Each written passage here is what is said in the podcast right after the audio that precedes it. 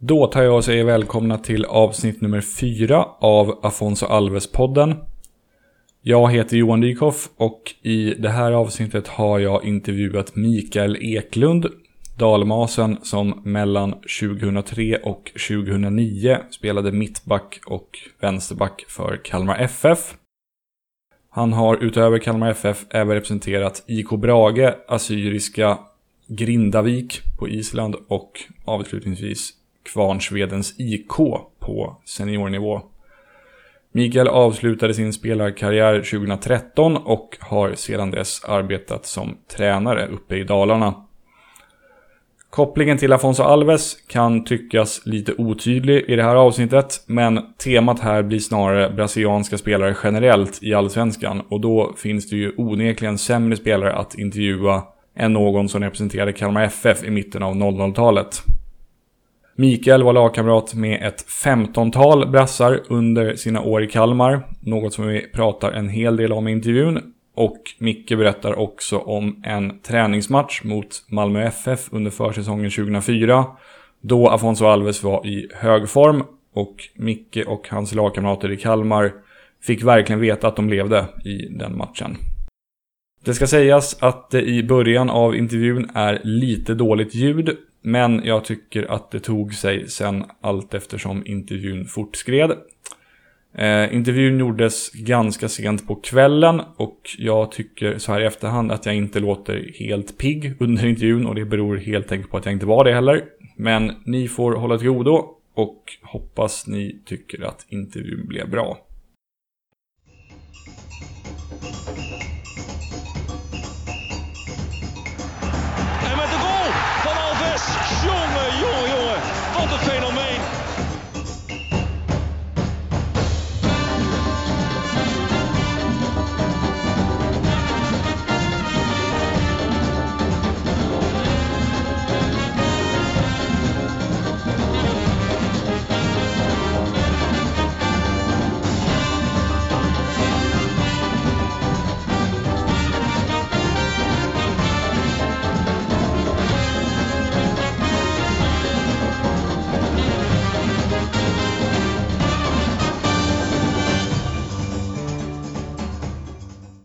Men då börjar vi med faktarutan då. Börjar vi med namn, det enklaste. Eh, Mikael Eklund. Ålder? 35. Kommer ifrån respektive bor i? Eh, jag kommer från Bålänge och bor för tillfället i Bålänge. Mm. Eh, sysselsättning? Fotbollsinstruktör. På någon skola eller så? Ja, på eh, gymnasieskola här i, här i Borlänge. Ah, Okej. Okay. Hur länge har du pysslat med det nu? Eh, det är inne på mitt andra år som eh, instruktör för dessa gymnasieelever. De är 16 till 19 år är de. Ja, okej. Okay. Kul. Eh, favoritlag inom fotboll? Eh, italienska landslaget. Mm -hmm. Hur kommer det sig? Ja, en lång historia. Det var eh, 88 då när EM var i Tyskland så min storebror har alltid påverkat mig eh, rätt rejält. Det var en, en granne till oss hemma här på, eller hos mina föräldrar då, som vars äldsta son var ihop med en italienska just då. Och eh, då hade hon med sin lillebror som var i min storebrors eh, Italien under EM där, 88. Så, och då gillar man då, ja, det namnet och, det var, och sen har det bara byggts på sen. Ska vi säga favoritspelare genom tiderna? Ja, Maradona. Mm. Ingen back som du har sett upp till, sådär som du vill att ta efter? Jo, det är väl många backar man har, har gillat eh, sådär, så det är ju Cannavaro, Nesta, Materazzi var väl också bra på sitt sätt. Eh, nu för tiden så finns det, sen har man, många pratar om offensiva backar och en och andra, men jag, försvarsspelare ska kunna försvara först och främst. Och nu är det väl någon argentinare, vad heter han? Jonas Mår, han som är i, i Everton. Det är väl han som är den tuffaste backen jag vet just nu i alla fall. Ja, är det din typ av back liksom? Det kan nog vara det kanske. Ja. eh, någon eller, no eller några spelare som du inte gillar av någon anledning? Ja, svårt för eh, spelare som är arroganta. Eh, Henry gillar inte när han spelar, men han verkar ändå vara en rätt skön och ödmjuk kille ändå. Men han spelade i Arsenal så var han väldigt arrogant mot både med och motspelare emellanåt. Så jag kände att, ja, Eh, där kan jag ha bättre beteende. Ja, okej. Okay.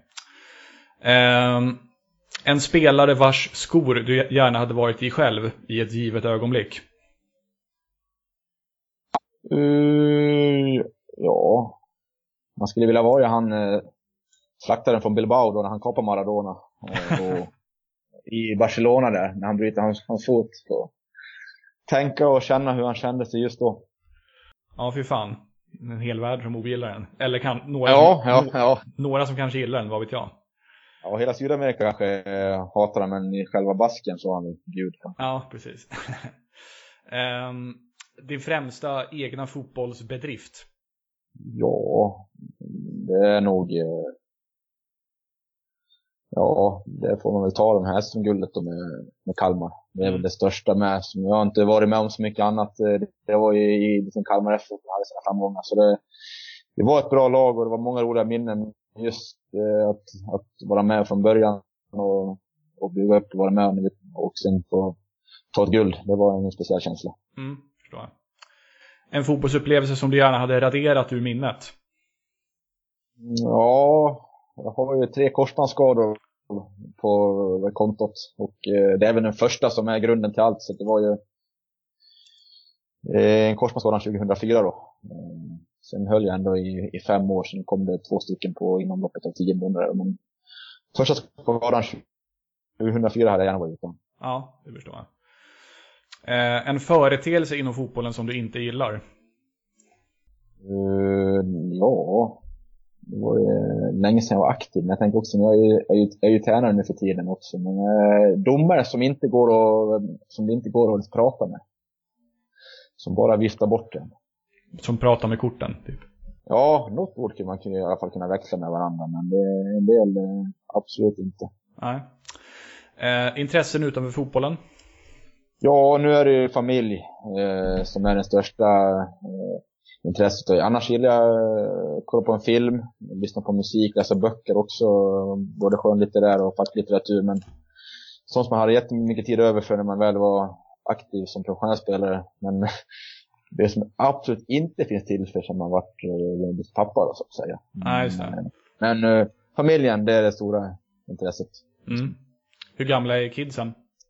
De är sex månader, de är inte, de är inte så gamla utan det är två par tvillingar som kom här i slutet av, av sommaren. Så det är fullt upp. Ja, det förstår jag verkligen. Dygnet runt. Ja. Eh, favoritland eller stad som du har besökt? Eh, ja, jag gillar Island faktiskt när jag var där i, i, i en session. Men favoritland? Jag var i Sydafrika också med fotbollen. Men jag, jag får vara... Jag får ta Rom och Italien. Mm, det verkar ballt. Ja. Och vi avslutar faktarutan med favoritband eller artist.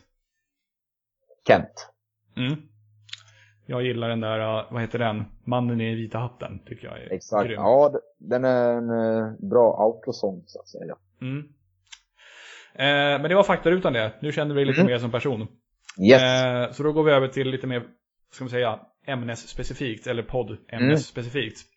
Ja. Och, och, den här podden heter ju som sagt Afonso Alves-podden. Och vi ska bara prata helt kort om honom. Eh, men jag har kollat upp och försökt se om du någon gång har spelat mot honom. Och jag hittade en match i april 2006 mot MFF hemma på Fredriksskans och slutade 0-0. Har du något minne av den matchen möjligen? Uh,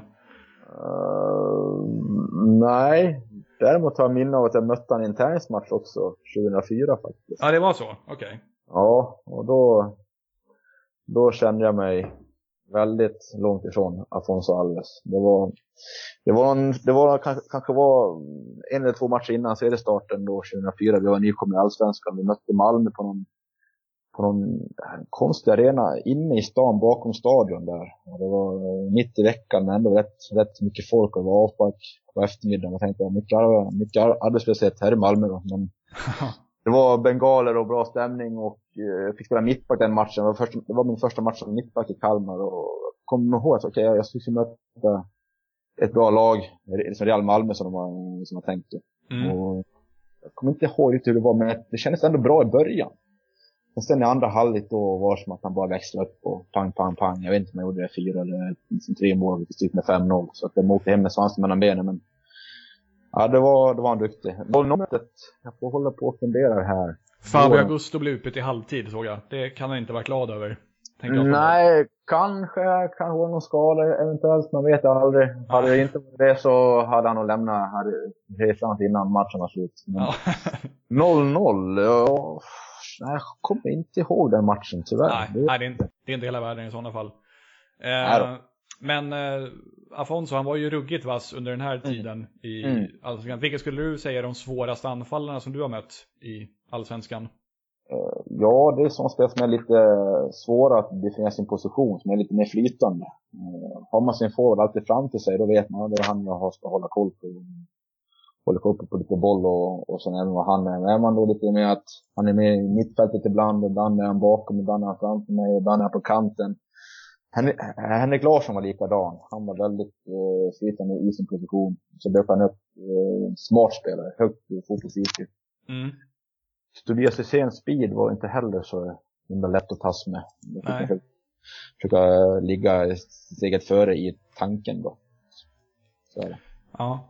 Om man, man brukar ju säga just att, på tal om Henke, att han var en så smart spelare. Eh, mm. Om man tänker en mo motsatsspelaren, en, en dum anfallare, hur, hur agerar en sån, skulle du säga? Ja, springer på allt och eh, det var ju sådana som ja, man springer på dumma bollar. Den här bollen kommer jag aldrig hinna upp men han löper ju ner ändå. Okej, då måste man som mittback med han ända ner till sidlinjen ändå för att ifall bollen skulle stanna den andra. Mm. Sen, och sen en sån som alltid står stilla och är orörlig. Um, tar inga hotande ryck åt något håll utan alltid håller sig på samma position framför mig. Det, det var ju, ska säga, det var lätta dagar på jobbet så att säga. Ja. Eh, hände det någonsin att ni punktmarkerade spelare ifall det var någon som var helt, i helt överjävlig form? Sådär? Nej, inte uttalat sett så var det väl inte. Jag alternerade både mitt, mellan mittback och eh, vänsterback. Mm. Det var väl, var väl en match jag skulle få byta position från mittback till ytterback. Det var mot Göteborg, kommer jag ihåg. Eh, jag skulle få ta hand om Niklas Alexandersson, den andra, alltså extra, extra folk på hand.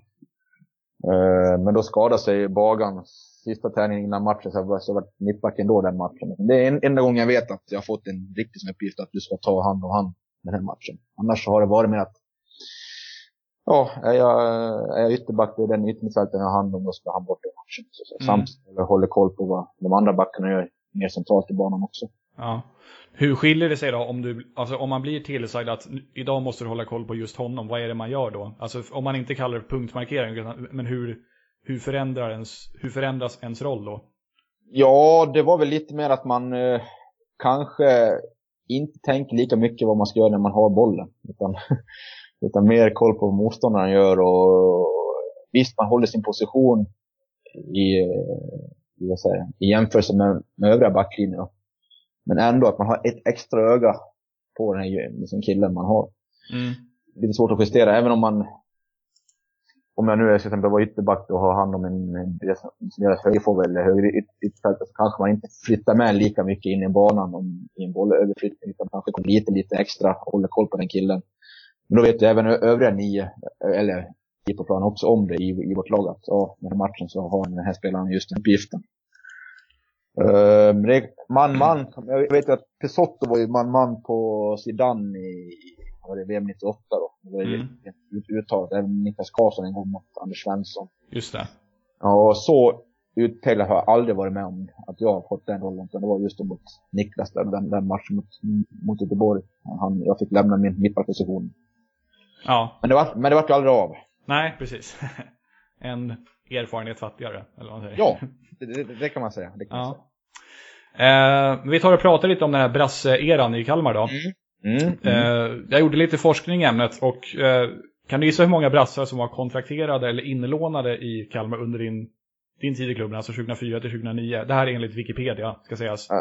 faktiskt så tog jag räkna på det eh, när du tog, tog, kontakt med mig här förra ja. veckan. Men jag tappade räkningen. Jag tror det är över 15-20 stycken kanske. Jag fick det till 15. 15? Ja. Ja, ja det kan stämma. Det kan stämma. Men då har jag inte tagit med provspelare och det är enligt, som sagt, det är enligt Wikipedia så är det möjligt att de kan ha glömt någon också eller missat på åren eller något sånt där. Men 15. Ja, det, ja, det låter rimligt. Jag var där i sju år och det kanske är två per år. Ja, det kan stämma. Mm. Det kan stämma. Vilka ser du som de mest framstående av dem under den här tiden? Ja, Cesar Santin går inte att blunda för. Han kom ju som en tunn och späd Brasilien-kille då. Så menar man visste om han att han gjort några mål i Copa Libertadores och, och sen, sen, växte, sen växte han ju fram till en enormt bra spelare.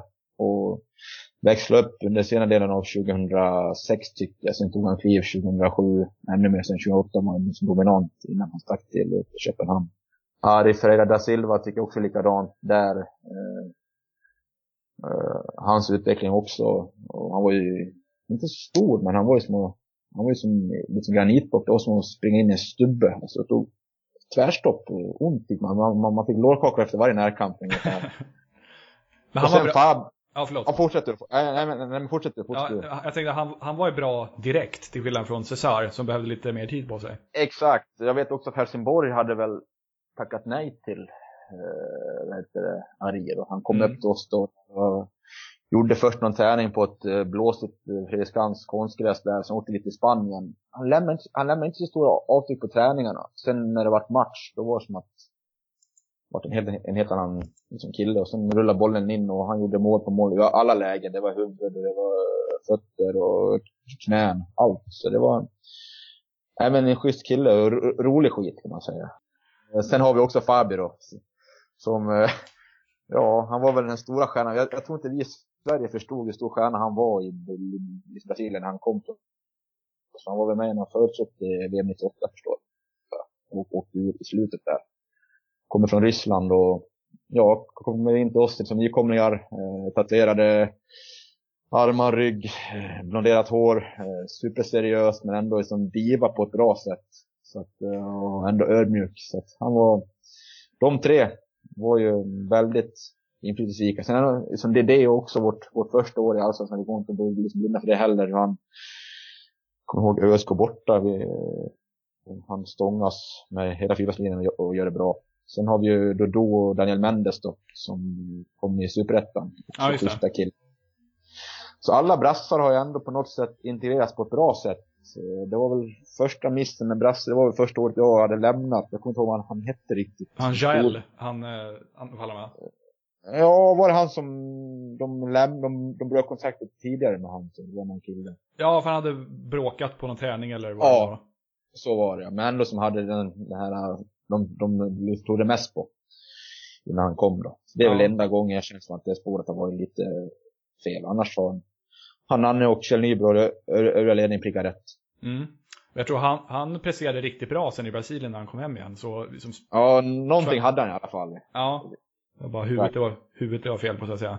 Ja. ja. Ehm, men det, det, han verkar ju vara lite st- stökig också. Precis, han fick ju någon så här sex matchers avstängning och sen vet jag att när han var i Norge så tog han två års semester när han skulle ta två månader och allt vad det var. Så han verkar, vara en lite speciell figur sådär. Eh, Ja, det var också någonting som man fick sig när man kom till Kalmar och jag var ju van här i Brage, ett Borlänge bruk- brukssamhälle där alla gör likadant och alla ska göra jobbet, punkt.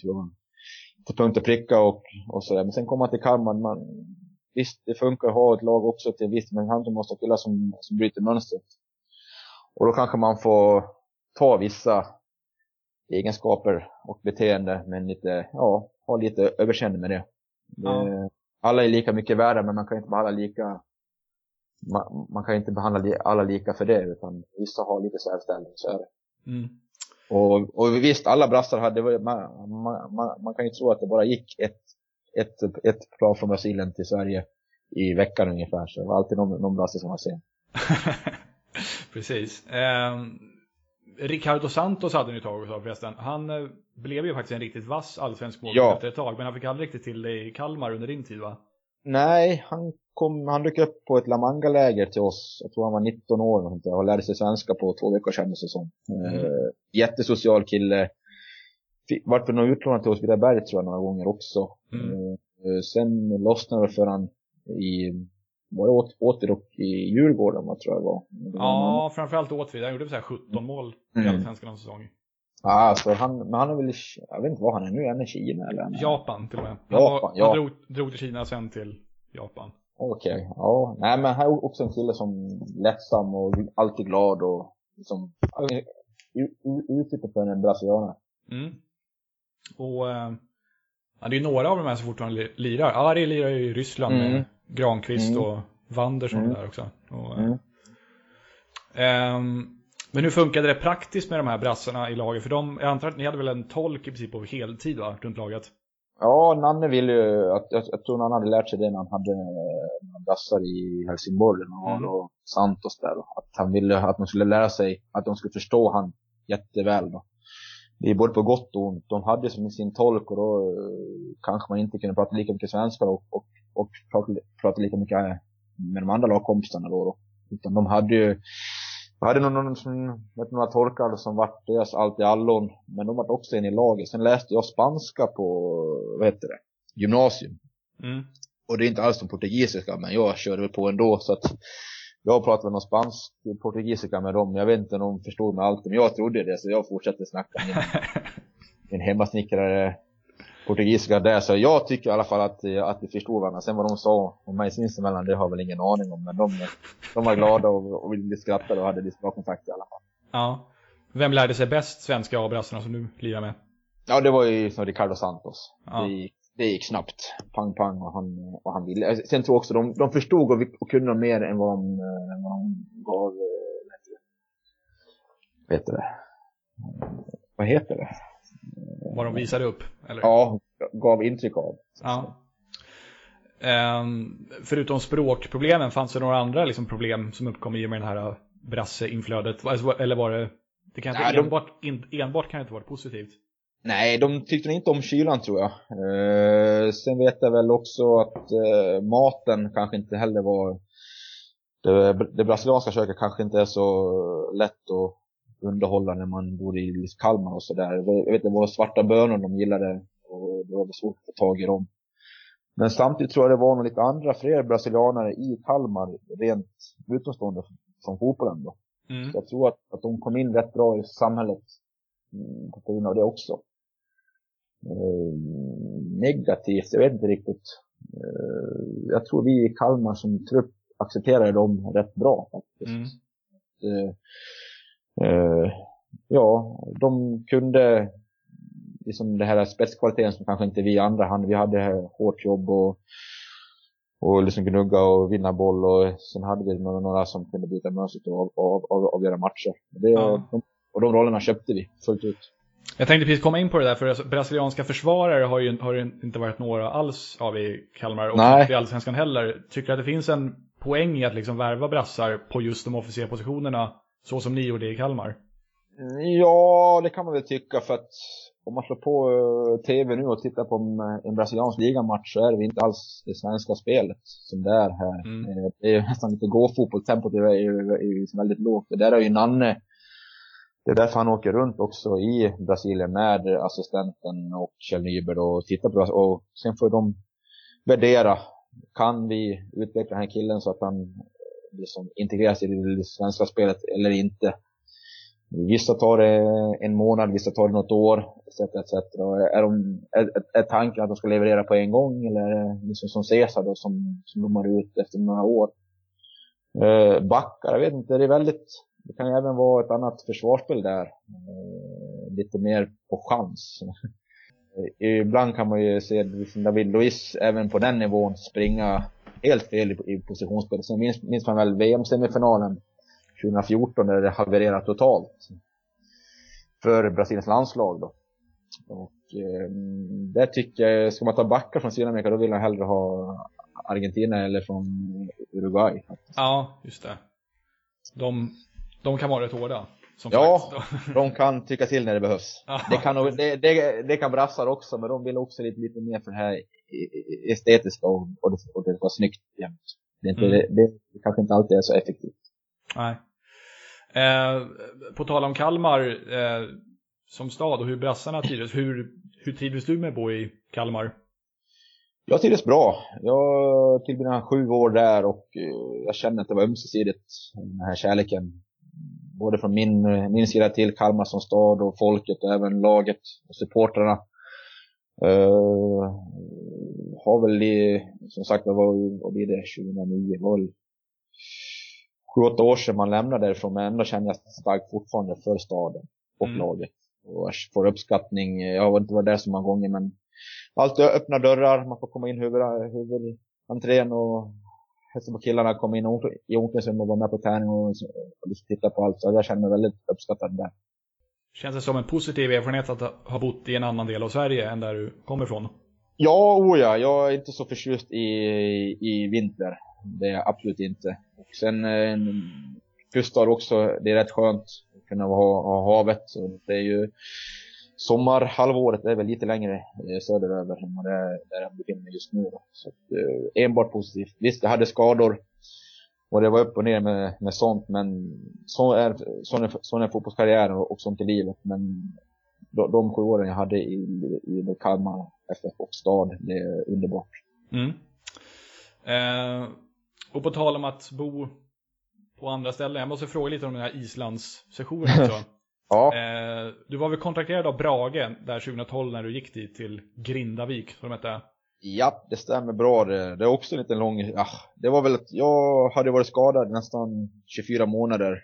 Eh, och med korsband då i två vändor. Och jag visste själv att jag kommer aldrig mer kunna spela på det här, eh, de här största scenerna. Men jag ville ändå vara liksom, liksom professionell spelare igen. Och liksom Brage gav mig chansen 2011 att komma tillbaka. Jag kom tillbaka sista delen där under hösten. Och seg som tusan i början var inte bra heller, men jag kände att det var bättre och bättre. Sen ville de, de förlänga. Och jag kände att det funkar bra, liksom kropp och, knopp, kropp och knopp var i en enhet. Det var i symbios. Jag liksom kunde göra det som jag ville igen på plan, med kroppen, med knät. Men sen är det väl en vecka innan seriestart så kommer Brage säga att vi tror inte Vi tror inte att vi kommer kunna hålla ett år för spel. Eh, Hej, sa jag. Jag tror ändå att jag kan komma hålla. Nej, det, det, som, det tror inte vi. Men då kände jag att nej, jag ska vara kvar och liksom kämpa om en plats. Och, men jag, jag, jag märkte att det var, det var, det var tvärstängt. Och alla fönster var stängda förutom till Island. Så mm, jag hamnade där. Och utlånad spelade väl kan vara 18 matcher, om det var fyra cupmatcher och kanske 13-14 ligamatcher och 90 minuter i varje match. Kände ingen, ingenting i knät. Så att det, det var skönt. Laget Min egna in, inre känsla.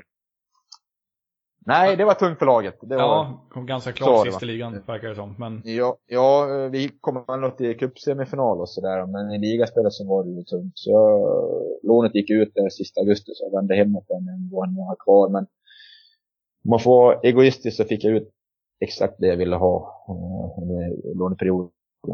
Eh, mm. För laget var så tyngre då. Men äh, jätterolig erfarenhet. Ja, det förstår jag. Har, var, hade du varit på vippen och flyttat utomlands en gång tidigare i karriären? Ja, det var ja, inget så konkret. Jag vet inte heller att jag hade ofta kontrakt med Kalmar också så att jag, då får man inte ta kontakt heller. Men jag vet att KFF av, av, avfärdat något bud uh, utan min vetskap. Uh, men det var lika bra. Vi var ju ändå en maktfaktor i Sverige. Så det var ju ingen, alltså ingen anledning att lämna. Tycker jag. De var, var väl på någonting på G, ryktesväg. Uh, i, i Mellaneuropa där innan första knäskadan då. Så 2004 då. Men ja, det, det, är som det är. Jag vart utlandsproffs ändå till slut. Ja, jag tänkte säga det. Ja, så att eh, jag får vara nöjd. Jag har uppnått alla mina mål jag hade som liten kille. Ja. Sen fanns det väl kanske givetvis större ligor man kunde ha blivit proffs i, men ah, tre korta sov och operation och 31 år var då, så det, det är ändå godkänt tycker jag. Ja, absolut. Um, vi tar och pratar lite grann om din tränarkarriär också. Mm, mm. Du slutade spela 2013, om jag inte misstar mig. Ja, uh, det var, ja, det var ju min professionella karriär tog slut 2012 kan man säga. Mm. Sen eh, var det ett, ett lokalt lag här i, här i Borlänge Karsvällen som var nykommen i division 2. Jag kände också med knät. Eh, ja, jag kan väl köra det som test. Det var ju konstgräs också då, men jag var väl spelande assisterande kan man säga då. Men jag kände också att konstgräs, nej jag vill inte, jag vill inte riskera knät mer heller. Så att, eh, det är lite, ja, det är, är som det är med det och det är inte värt det i division 2. Så att, eh, sommaren där 2013 då, gick det helt över till tränarsysslan. Mm, okay. Kan du berätta lite grann i kronologisk ordning vad du har pysslat med inom fotbollen sedan dess? Eh, ja, det var Karlsens eh, IK division 2 assisterande 2013. Sen var huvudansvarig i U17 Brage i U17 Svenskan då. Och sen var det Korsnäs U1, ett juniorlag som jag ville ha i seniorspel. Och sen var det min moderklubb Forsa BK förra året och i år Säter. Många, mm. många klubbyten där. Ja, verkligen. Och nu blir det Säter kommande säsong. Och det är nykomlingar i division 3, va? Södra ja, det stämmer. De har ju vunnit ligan eh, två år i rad. Först i division 5 och, och division 4 då. Eh, gått fram med Ångvält. Och stort intresse med i, i staden då. Så det har väl varit en, eh, ibland har de haft upp mot 800 på någon match har jag hört. Och 500 någon match. Så det finns, får se vad snittet kanske är, en 200, ja 200 kanske då. För vår division 3 så är det mycket folk även här uppe i, i Dalarna. Mm. Så det är bra drag inför kommande säsongen?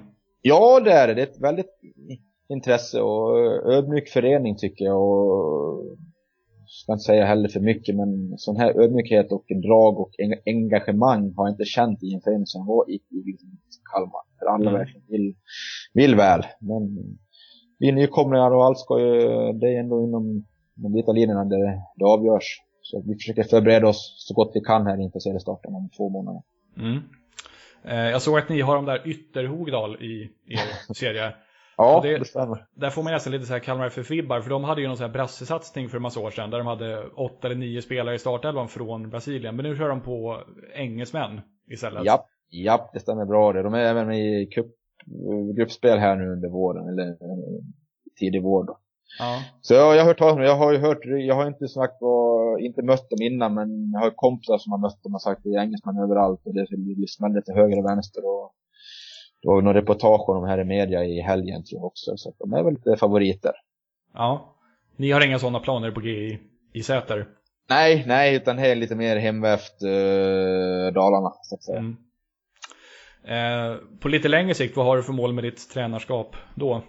Ja, det är väl, jag eh, kommer ihåg när jag, när jag började här för några år sedan, då var man så hetsig, man ville liksom tillbaka till eliten på en gång, man ville ha i, i liklag vad en och andra. Och...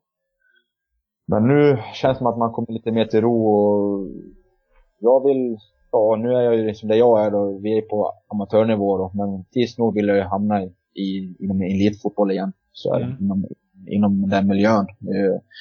Jag var på utbildning i en vecka i Valencia här för tre år sedan och det var i en vecka. Det var så skönt att vara tillbaka i den miljön och gå runt där allting handlar om att prestera max varje helg. Och varje sak handlar för att maximera spelarnas prestationer i den andra.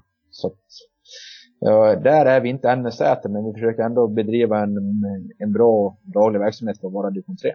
Mm. Hur många träningar blir det i veckan? Nu, ja. Dels nu och sen under säsongen också de har ju, det är också en liten eh, vå, vågspål. De har kört två gånger i veckan har jag hört i liksom, två veckor, under, här, under två års tid och vunnit. Så jag höll på att tappa hakan när jag hörde det. Så att, helst skulle man vilja köra lite fler. Men jag har nog fått in tre gånger i veckan. Eh, det har varit väldigt balans på att hitta rätt belastning samtidigt som inte de går sönder. Det, ök, det ökar träningsdos för dem då. Och annan in, intensitet. Så att vi börjar med tre gånger i veckan plus match. Sen hoppas jag att spelarna vänjer sig med belastningen kanske kan öka den dosen så småningom. Mm. Har du någon kontakt med gamla tränare, eh, typ Nanne eller någon, nu när du själv tar klivet över till tränarrollen? Ja, jag har kontakt med bland annat Nanne Bergstrand då. Och sen är det, jag har ju även lite kontakt med han jag hade på Giflen, Gudrun Fordason heter han då. Men han har väl haft sina bästa dagar, han var väl en framgångsrik tränare både på klubb och även utlandsnivå på Giflen där.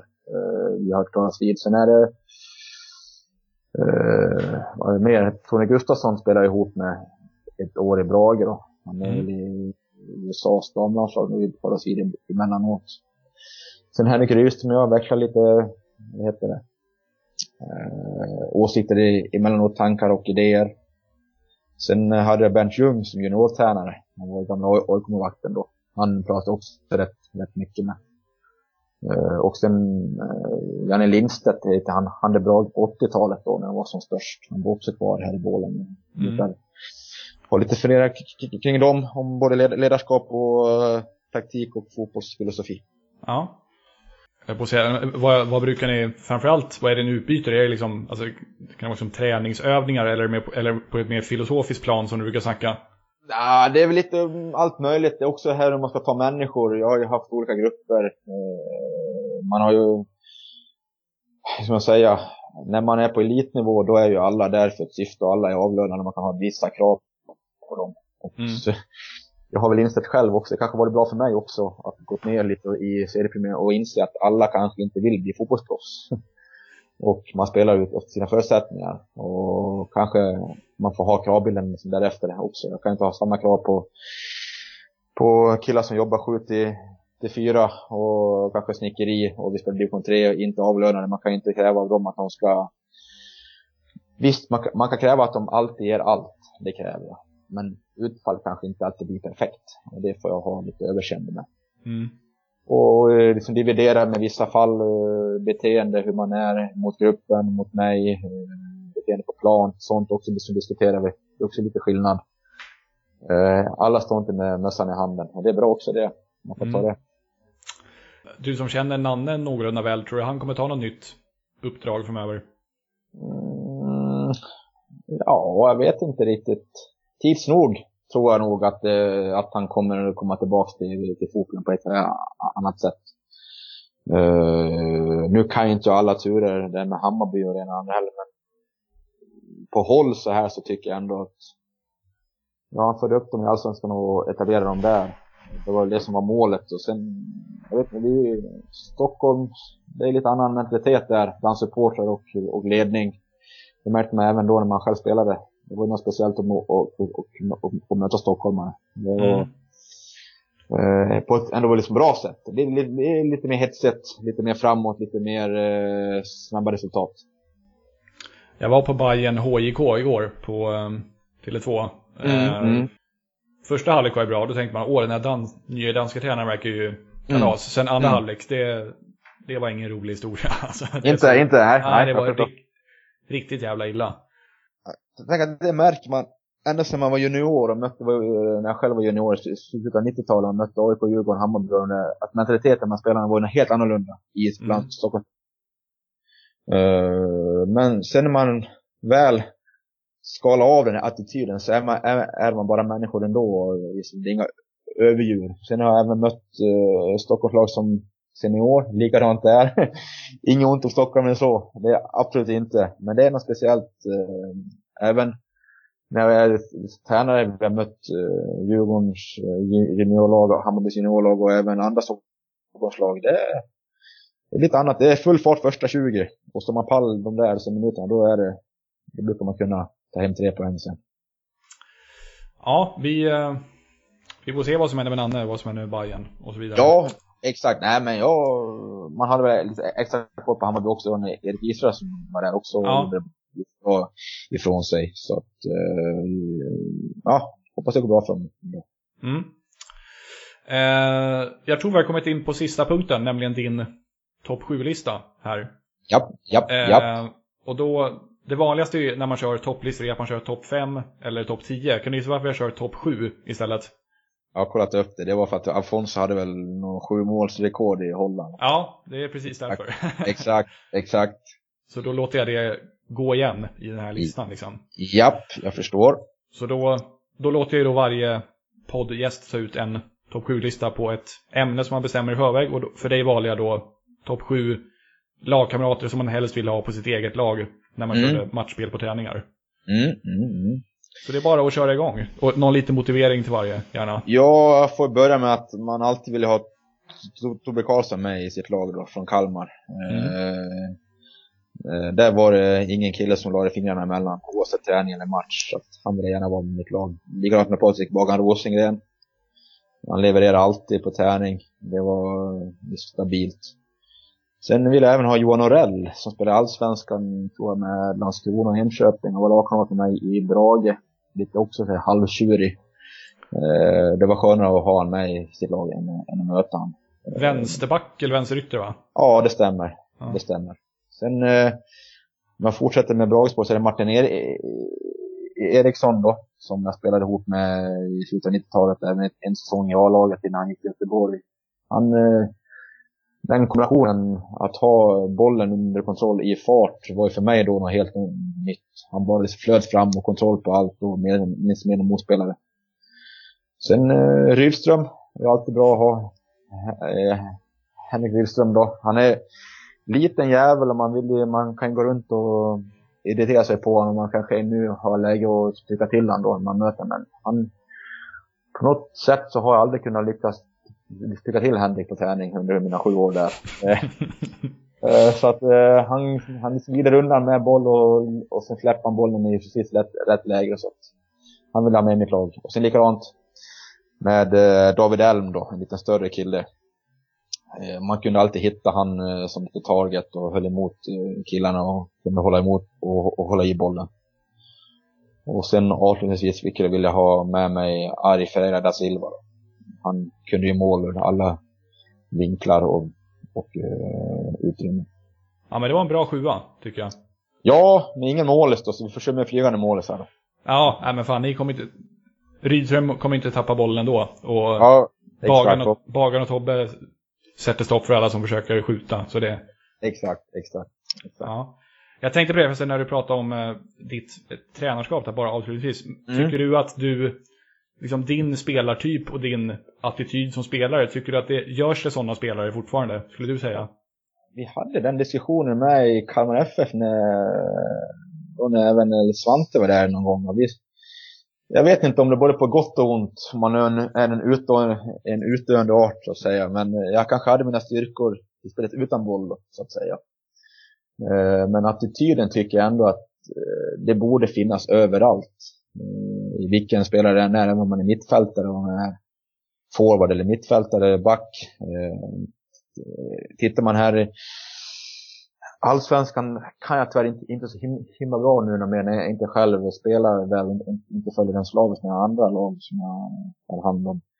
Men eh, ah, det är väl han jag nämnde, argentinaren där då, som jag kan tycka är lite mer att han smäller på och låter fysiken tala för andra.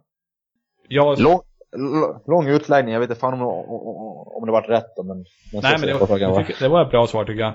Jag lirar, jag lirar innebandy på måndagar med kompisar mm. och ibland så är det en kille som är professionell ishockeyspelare som är. Jag tror jag, jag, jag, kanske inte bör säga vem det är, för jag, tror, jag, vet, inte, jag vet inte om han får spela egentligen för, sitt, för, för sin klubbs skull. Okej, okay, okay, jag förstår, jag förstår. Eh, men eh, när han är med så får man ju liksom syn, då får man ju med egna ögon bevittna det här, alltså ett idrottsproffs vinnarskalle. Mm, och, det, mm. och det, är rätt, det är rätt coolt att se, alltså för en kontorsrotta som mig. För jag, jag, jag har ju inte en hundradel av det. Jag tycker inte att det är så viktigt att vinna en innebandymatch i en gympahall. Men för honom är det, det är verkligen på liv och död alltså. Ja, jag förstår, jag förstår det fullt ut. Det är därför också det var anledningen att jag kände att det är ingen idé att jag spelar under professionell nivå för att det brinner till i skallen och sen är det jag spelar match med Brage-veteraner som heter division 5 eller 6 vad det var. Nej, inte mer. Det, går, det funkar inte. Man blir osams med allt och alla. Det, man skäms när man kliver av planen och tänker, vad fan är frågan om här? Så det, nej, jag håller med. Och det, just det här att det ligger om min fru har ju spelat innebandy på, på hög nivå. Och jag, jag har ju sagt att henne, jag, jag skulle slå henne i en match en mot en. Även om hon har vunnit VM-guld och en och andra. Men hon, hon säger, nej men jag, du kör för tufft. Sådana regler får man inte ha innebandy. Men det, ja, ja. Jag har inte spelat än så jag kan inte säga någonting. Nej, det får bara bli ett framtida projekt. Exakt, exakt.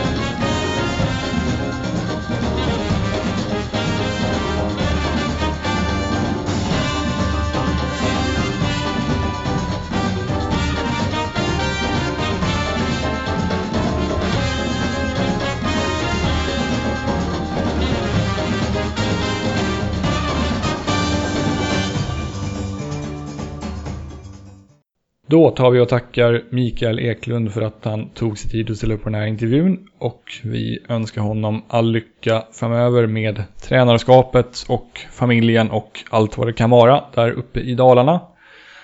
En rättelse ska jag slänga in så här i slutet. Eh, I min sammanräkning av brassarna som Micke spelade med i Kalmar glömde jag bort att räkna med säsongen 2003 i Superettan då Daniel Mendes och Dodo spelade i Kalmar. Eh, Daniel Mendes kom ju med i alla fall, för han kom ju tillbaka sen säsongen 2009, så honom räknade med i alla fall. Men Dodo kom ju inte med. Så det var nog alltså 16 brassar som Eklund spelade med i Kalmar och inte 15 som jag sa. Jag kan nog även ha sagt att Micke bara spelade i Kalmar mellan 2004 och 2009 men han kom ju faktiskt hit redan inför säsongen 2003. Så nu är det rättat. Det var det det. Eh, fler intervjuer kommer. Jag har en inbokad redan imorgon vilket är torsdag 9 februari och den ser jag fram mycket emot. Så den här podden tuffar på. Hoppas att ni lyssnar även på kommande avsnitt. Eh, ha det så bra så länge. Nu är klockan 10.11 så nu måste jag gå och lägga mig. Tja tja!